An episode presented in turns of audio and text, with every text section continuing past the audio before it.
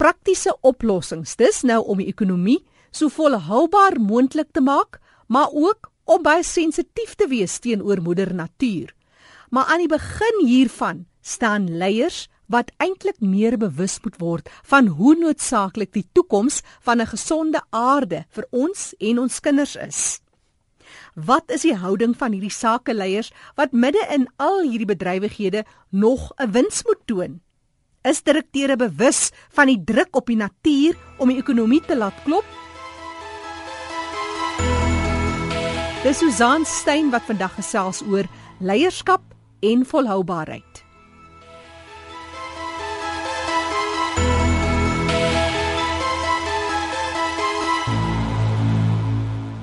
Dekades lank was 'n goeie leier iemand wat sy mense tot die maksimum benut het om groter, beter en ryker te word.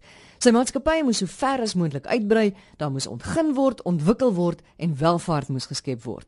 Maar soos dit met alle ou patrone gaan, werk hierdie model nie meer so goed as 20 jaar gelede nie. Baie meen dat ons met goeie bedoelings gelei is na 'n wêreld wat besig is om teen ons te draai. Ons het te lank gebruik en verbruik En nou betaal ons omgewing die prys en uiteindelik gaan ons die prys betaal. Vandag is 'n nuwe perspektief op leierskap nodig. Nie net moet daar gekyk word na die welstand van die bedryf se bankrekening nie, maar ook na die bedryf se mense se welstand. En baie belangrik, die welstand van die omgewing waarin ons leef, want dit gaan uiteindelik ons welstand bepaal. Maar wat is die rol van ons leiers vandag wanneer dit kom by volhoubaarheid? Professor Derek de Jong is die direkteur van die Albert Letoile Sentrum vir Verantwoordelike Leierskap en hy meen die volgende. Eerstens is dit om 'n baie duidelike toekomsprentjie te skets en realisties te wees oor die wêreld waarin ons bly en leef vandag. As ons van leiers praat, praat ons nie net van sakeleiers nie, ons praat van leiers in die publieke sektor, ook leiers in die gemeenskapsorganisasies, maar ook uh, iemand wat 'n leier is by die skool of by die kerk of by die universiteit. So leiers in die breë dink ek het 'n verantwoordelikheid om 'n baie duidelike opinie te kan hê oor die eise wat die samelewing vandag beleef. Die eise is op 'n sosiale vlak, op 'n ekonomiese vlak en op 'n omgewingsvlak. Op 'n sosiale vlak praat ons van ongekende ongelykheid.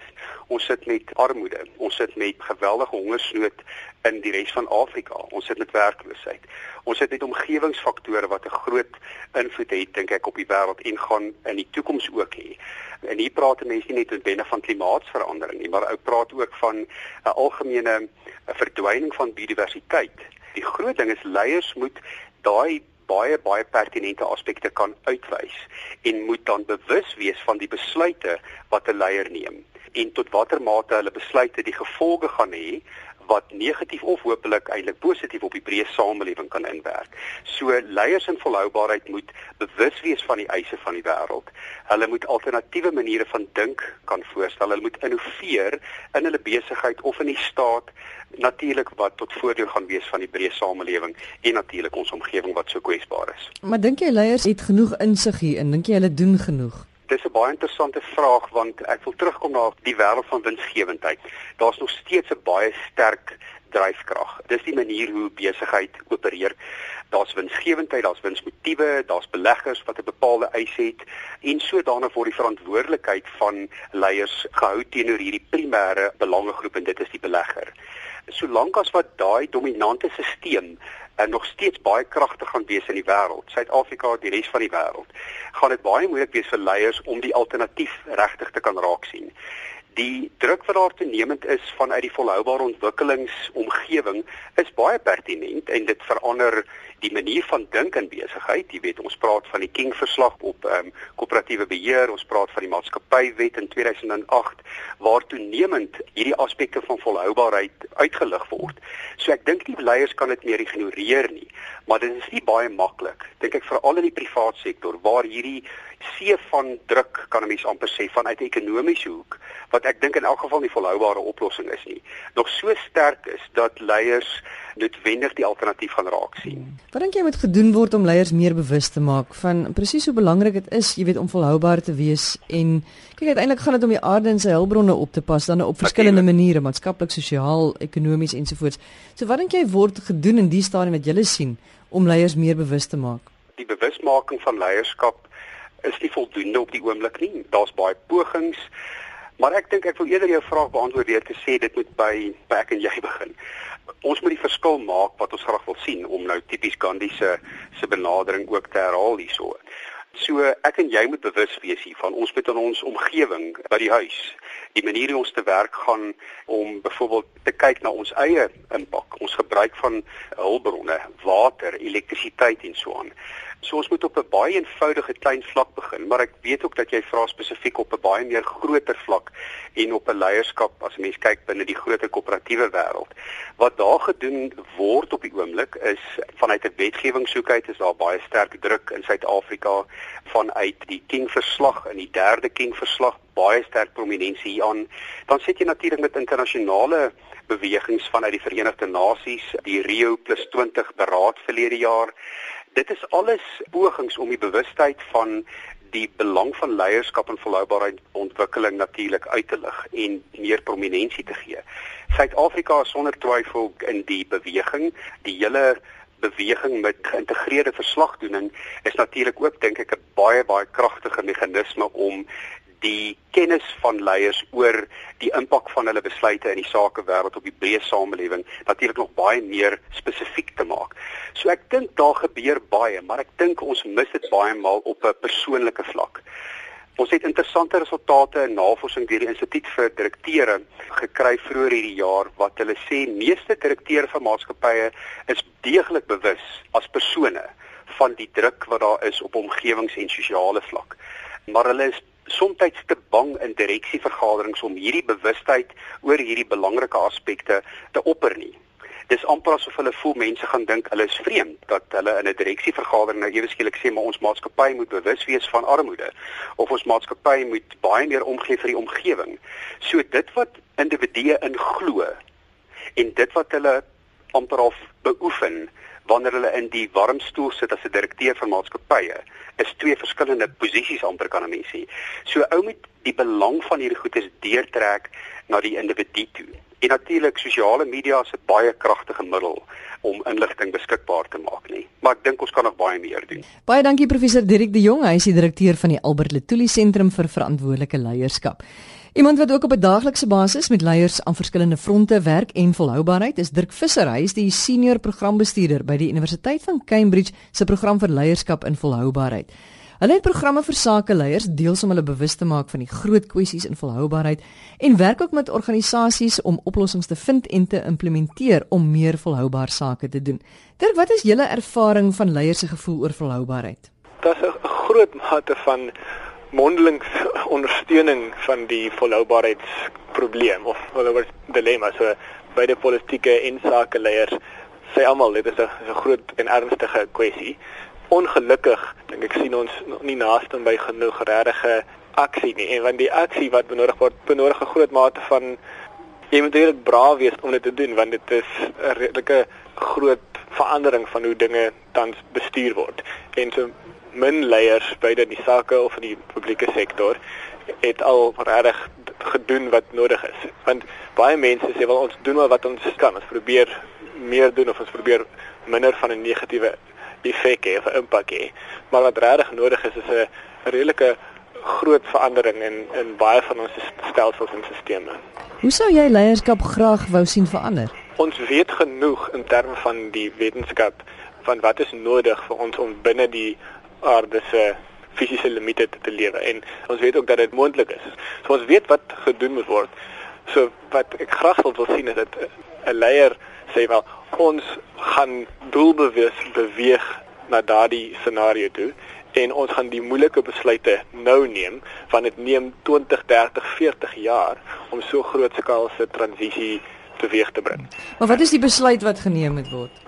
Van die besluite is dat van die dinge wat ons weet 'n langtermyn negatiewe effek het. Het sy dit is die gebruik van steenkool kragsentrale of dit is die verkeerde prys op iets soos soos water of die misbruik van van sekere sekere skaars hulpbronne dat ons sê wel ons gaan dit nou dadelik begin wegbeweeg daarvan ons, gaan glad nie daai industrie groei nie. Beteken ons gaan dit dadelik stopsit nie want dit sal die ekonomie tot stilstand bring, maar ons gaan geen nuwe ontwikkelings in daardie areas ondersteun nie en alle nuwe ontwikkelings gaan ons begin kry na die pad toe wat ons nodig het. Aan die ander woord ons gaan begin met die die investering wat nodig is of dit energie-infrastruktuur is of dit waterinfrastruktuur is of dit maniere is hoe ons ons voedselstelsel organiseer ons nuwe besluite wat ons gaan neem, gaan in lyn wees met wat nodig is. Wat vind julle in Suid-Afrika? Hoe groot is die bewussyn onder leiers hier of die wil onder leiers om te verander in vergelyking met elders in die wêreld?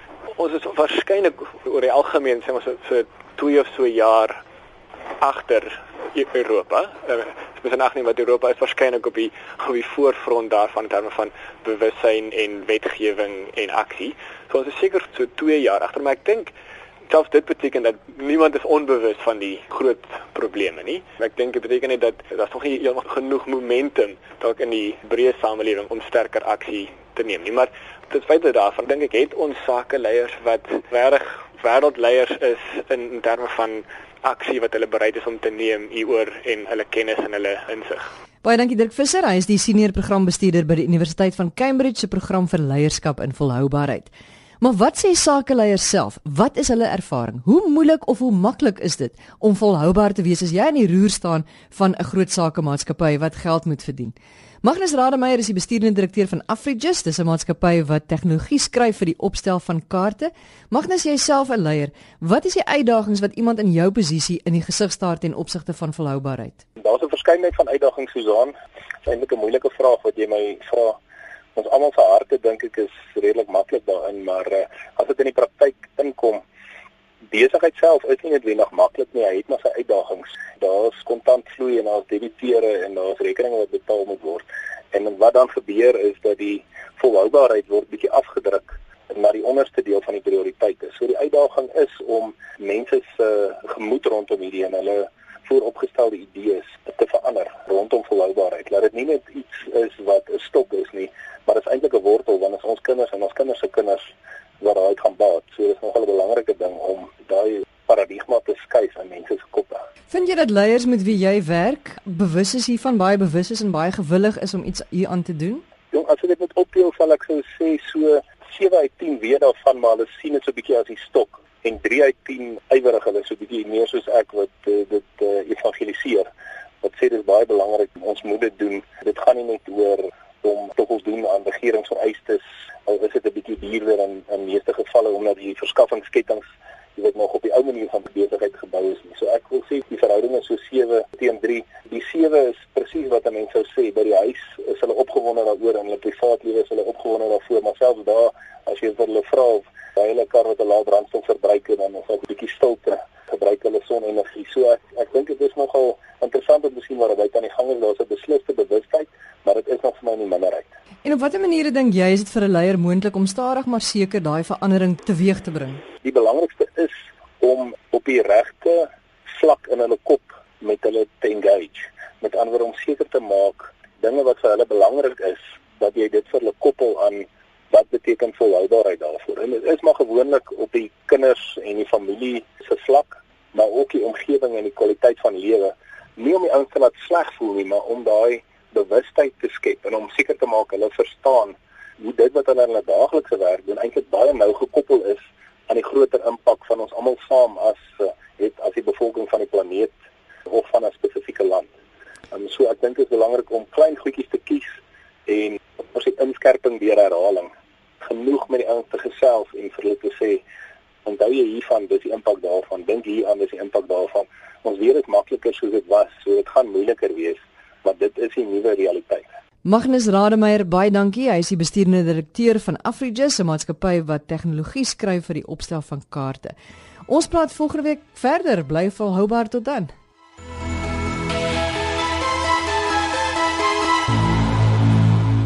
Dan vandag se Ekoforum Hierdie bydraes versorg deur Susan Stein.